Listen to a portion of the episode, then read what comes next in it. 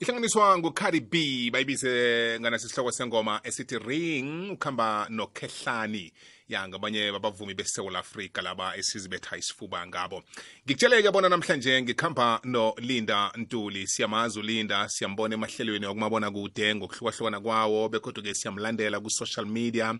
Siyamlandela bekodwa-ke nencwadini zakhe azitlolileko ngikhuluma ngencwadi zakhe azitlolileko eh ezihlukahlukeneko. Bekodwa-ke ezisikhuthazako mvanje kunencwadi ayitlolileko eh fundisa ngezemali eh taking total ownership eh on your money. Ngiyacabanga ukuthi isihloko sayo sitsho njalo kodwa kuza ngikhumbuza ubutlinda eh nakuthi angikayibeki kuhle kodwa ngengenye yenqwa yencwadi eh ezikhamba phambili ekusizeni ekwazini nekufundeni ngemali. Namhlanje si ngithi angimlethe sizokhuluma naye ngoba sisengikhathini ezibudisi sengikhathini ezibudisi eh la siqalene khona nesikhathi se-covid-19 eh imisebenzi yaphela eh abanye sisebenza amalanga amancane eh bekodwa ke amabhizinisi wethu awagijimi ngalindlela ebesiwajayele ukuthi akuhamba ngayo.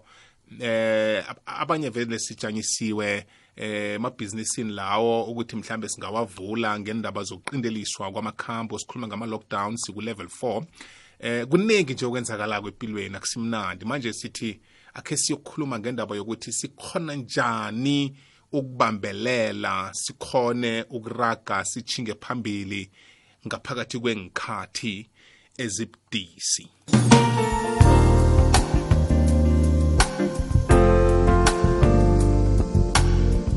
Iba lichumi nowodwa ibethile isimbi ngeyesibili. Butlinda siyakwamukela siyakulotshisa siyathokoza ukuba nathi kwekwezi. Thank you so much bravo ngiyabulisa kuwe bhuti wami. Ngibulisa kubo bonke abalaleli bekwekwezi FM ngibulisa everyone in the studio. Thank you so much for this time and opportunity my brother.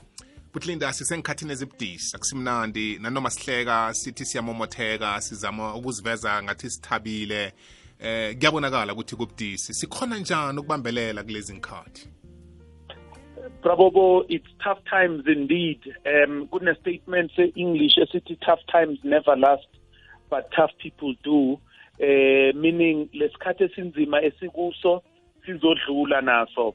But siyashaya Bravo, as I speak to you, I received news earlier on um, that one of my mentors passed on Ubabu Dogotela John Tibane, who was now a professor. He's he's gone, my brother, and uh, he's in our field, as you know, mm. uh, and he has contributed a lot in my life as an as an individual as well as a business person. Mm. And I'm saying this thing because uh, good tough, Baba, uh, but life is like a, a, a relay a race where masigijima we keep passing on the baton yeah. and the, the biggest question ukuthi mina nawe sizoyidlulisela kubani le nduku esiyiphethe? Uyayibona leyo nto leyo? That for me it's a serious issue.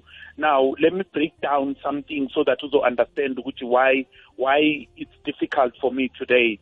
Uh, this is the man that when i met him uh, benginenkinga yokucharge ama-customer uyabona bravo bokhona umuntu okufonela yathi eh butlinda ngicela ungisize ngifuna uzokhuluma eh kwi-function yase yasesontweni ngifuna uzokhuluma kwi-function yasemsebenzini ngifuna uzokhuluma kwi-function ye-graduation mm. i could not charge lalela baba bengibamba ifoni ngithi eh ngicela ukuthi ngithola ama-numbers akho ngizobuya kuwe mm. until ngihlala no, no, no dr tibane wangichazela kahle in a very polite manner ngiphethe notebook yami baba. That day was a turning point. Yes. angiphindanga ngabaleka makumele ngicharge. Mm. angiphindanga ngabaleka makumele ngiyicommit because impilo i- it's about ukuzicommitta now we are talking about a man who was committed to excellence. So so so ngifuna ukuthi ke manje during this time se covid isikhathi sokuthi eh umuntu abhekisise even kwibusiness lakhe amabhizinisi awahambi kahle. This takes us back bravo to what i've said in the past ukuthi ma umuntu don't depend on a stream of income ngoba uma istream sakho sisodwa uzolimala. Manje ke bravo isikhathi sokuthi ama side business akho kube yiwo akusustainayo uyabona ama-companies amaningi ayavalwa. Uyabona ey'ndaweni ey'ningi abantu ak- abahlangani. Uyabona ama-gigs ami nawe have been cancelled or postponed Yeah. or suspended indefinitely. Yeah. but ngifuna ukuthi kumuntu olalele ukuthi noma kungathiwa into yakho ethile i-suspended or postponed wena iba nenye into ozovela ngayo because amandla akho awalalanga entweni eyi-one. Amandla akho alelwe ey'ntweni ey'hlukahlukene. Ngeke ukhone ukudipenda kwinto eyodwa. Ah. uma udipende entweni eyodwa uzilimazile it's called self-sabotaging. So don't self-sabotage your, uh, your, your business. Don't self-sabotage your, ca- your calling. Don't self-sabotage your career.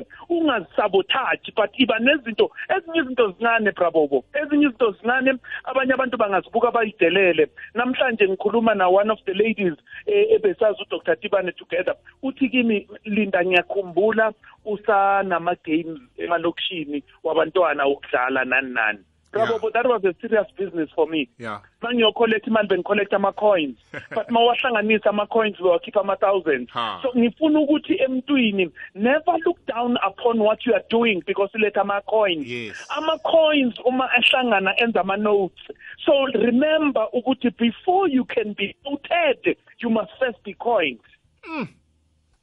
Uyayibona leyo nto leyo? So ngifuna uk- ukuthi kumuntu kunzima eh abangani bethu bayashona ihlobo zethu ziyashona eh sibona abantu ba self quarantine sibona abantu ba self isolate but asikhumbuleni lento lena ukuthi impilo yona iyaqhubeka. Uthi omunye umuntu as long as the clock is ticking keep on moving. Yeah. Ungami wena ungastopi Yeah. keep on moving until you see some different. Yabona manje brabobo siphila esikhathini abathi survival of the fittest. Mm.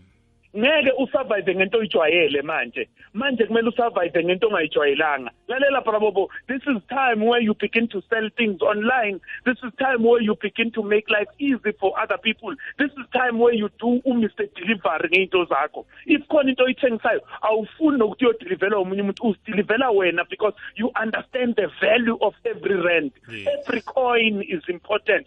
Not there is no note that has that does not come from a coin wonke ama-notes owabonayo they started as coins. Yes. So ngifuna ukuthi all of us singaphumelela empilweni uma singazibheka sizihloniphe. All of us singaphumelela empilweni uma singazibheka sihloniphe abanye. All of us singaphumelela empilweni uma singazibheka sihloniphe ibhizinisi lethu. All of us singaphumelela empilweni uma singazibheka sihloniphe umsebenzi wethu. All of us singaphumelela empilweni uma singazibheka sihloniphe uNkulunkulu osilethe emhlabeni. Because all of us came for a purpose with a purpose to accomplish the destiny to co- accomplish the purpose. So don't look back don't look down on yourself. Sikima uyithathe uragele phambili amabhudango akho afezeke usaphila unga ungalindi the day you die because the day you die sekuphelile ngawe. But live live as if there's no tomorrow. Ah yazi butlinda ngithande enye yama video clip wakho washere ku Facebook page yakho eh. Linda Ntuli open bracket inspirational page close bracket icho njalo i Facebook page yaka Linda Ntuli.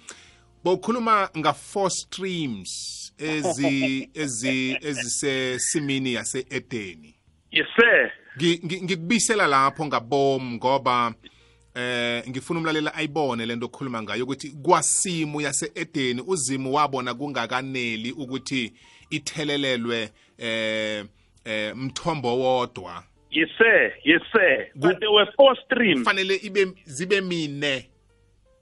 Kangangani wena ufuna ukubamjwa ukuthi uthelelelwe mthombo wodwa? Eh uzoko uzokoma uzokuphela uyokuyapi sure.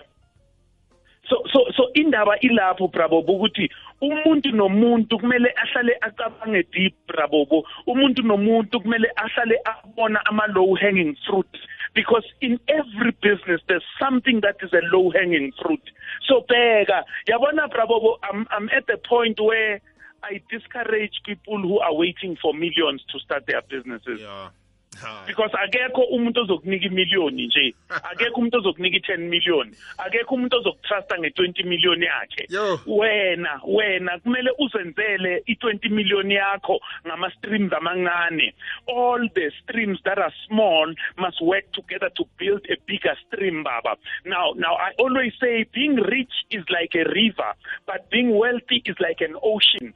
All rivers go to an ocean. Ama-streams amancane afinyelela kwi-stream esikhulu. So unga- ungavumi ukuthi kuba abantu abakufandayo ngoba abantu babakufanda bakunika ama-terms and conditions.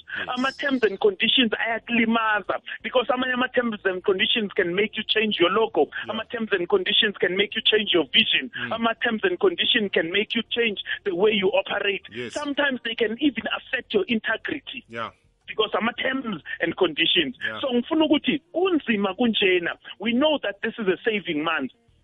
Remember this. What you save today will help you tomorrow. Yeah. What you save today will make your tomorrow to be fruitful. So ngeke ubone ama-fruit ube unganiselanga ama-roots ah. Sinisela ama-roots so that sizobona ama-fruit meaning sivuka noma singathandi ukuvuka prabobo? Sifunde ngoba we are we know ukuthi we are rooting for something. Yes. You cannot fru- you cannot be fruitful without being rootful. You become rootful first then you can become fruitful. Yo yabona yanamhlanje ungikhumbuza ikhulumo ethi imali ikhuluma amalimi amabili kwaphela eh namkha amagama amabili kwaphela. Eh ithi take care of me today and i will Yes. take care of you tomorrow. So Yes, i-language yemali leyo. Yes, wa, wa, wahluleka kunakekela nokuchecha imali namhlanje. Kusasa imali angekhe ikwazi ukukuchecha nokukunakekela ngoba awukayi- awukayihlogomeli awukayichechi namhlanje. Ithi imali give me the power to be powerful. The way you treat me today i will make you powerful tomorrow. Yeah. the way you relate with me today hmm. i will make you sit with great people tomorrow. Hmm. Ngendlela ongihandlisha ngayo wena you'll be handled differently. Hmm. Lalela brabobo whether we like it or we don't umuntu okhonile ukusebenzisa imali yakhe kahle uyahlonipheka. yeah lalela brabobo people won't respect you because you've got too many degrees than a thermometer. People will respect you because umuntu okind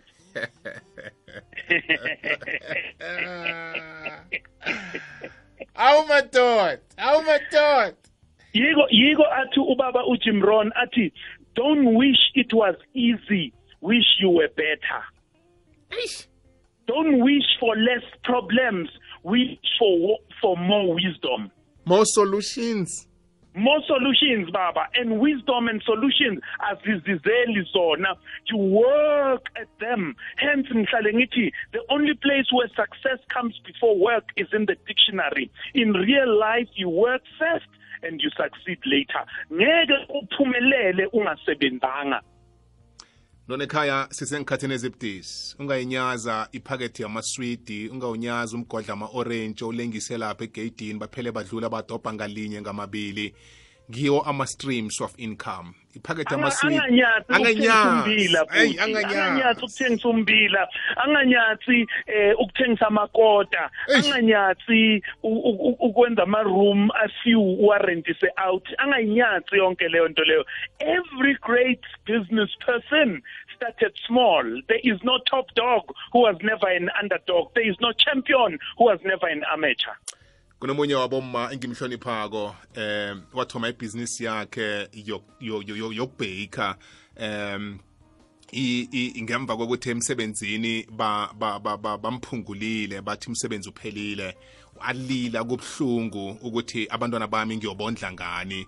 Eh enye yengikutana nayimlulekako ithi kuye une-oven uthi Sure. iye ngine-oven uthi lapho Yeah. osebenza khona bosebenza njengomuntu obhekako msangithi uthi yes uthi une-skill Yes. uthi yes uthi skill sakho asikasali kuleya khampani ukhambe naso Yeah. And une-oven fike ekhaya. I-oven akho uyisebenzisa kangakhi ngenyanga? Uthi ngiyisebenzisa kayi-one. Uthi ukuthoma Yeah. namhlanje isebenzise kayi-31 nge- ngenyanga. Yeah. uyisebenzise Yeah. kayi-365 ngonyaka. Eh sekuza kuphuma kuwe ukuthi wathenga bemangakhi lama-oven eh ukhatshe nabanye bawasebenzise. Namhlanje Yeah. uma loyo eh uphethe ibhizinisi ekulu. Ekhiqizako izinto ezibheyikhwako amakhekhe Yes, sir. uburotho. Manje ngi- ngile nto oyikhulumako namhlanje bhutlindi ukuthi sisengikhathini ezibudisi kodwana unemphiwo ezingaphakathi kuwe ongazisebenzisa. Yes sir. Yes sir. Yes sir. And uh, isiphiwo sakho sizokwenzela iroom. Isiphiwo sakho sizokuvulela iminyango evaliwe. Isiphiwo sakho lalela lalela babo uma isiphiwo sakho usisebenzisa you don't have to introduce yourself. Yes. Lalela brabobo yabo yabo manje makungaba ne-cross line njengoba sixoxa kaso kube ne-cross line. Eh sithola ukuthi i- i-cross iline kunoteko mudise athi ute- uteko ngin- nginilalele gents ene ngiyavumelana nani? Ukuthi uteko ngeke sithi hayi wo wo wo i-cross line futhi sicela uthule qhubeke thina. Siyamvumela ukuthi akhulume ngoba isiphiwo sakhe sebhola simfake kwezinye indawo yes. So ngithi kumlaleli ekhaya ungasibheki isiphi- isiphiwo sakho usinyace ungasibheki isiphiwo sakho uzibhekele phansi but bheka isiphiwo sakho bese ubheka phezulu lapho usizo lwakho livela khona bese uphusha ngamandla amakhulu bese ufaka i-energy as if this is your last day. U- u- u- uphile ngathi uyayibona i-hash i-ready ukukuthatha but manje kumele usebenze qala before ufika kwi-hash. Bhutlindi ngithokozile bakulandelaphi nabakufunako? Ngikhona ku-facebook brabobo linda ntuli open brackets inspirational page close bracket ngikhona ku-twitter at linda ntuli ngikhona ku-instagram at linda ntuli i-email address yami ithi info at linda ntuli co za info at linda ntuli co za this is the month brabobo july is the month of saving. July is the month of men july is the month of winning. July is the month of mandela. Let's make it happen. God bless you. God keep you. Let's play safe. Let's ensure that we sanitize. Let's ensure we put on our mask. Asiphileni ngama-regulations e-COVID so that mase idlulile i-COVID ama-businesses ethu azoqhubeka njengoba siwaqhuba namanje. Thank you so much, my brother. thokozile bhutlinda bengisabile ukukhuluma ngodr tibane ungiphe isibindi sokukhuluma ndoda amadoda sithi nqanqabe emndenini wakatibane simazi soke udr john tibane iba, iba nemini emnandi Bless you, my brother. Thank you so much. awuzweke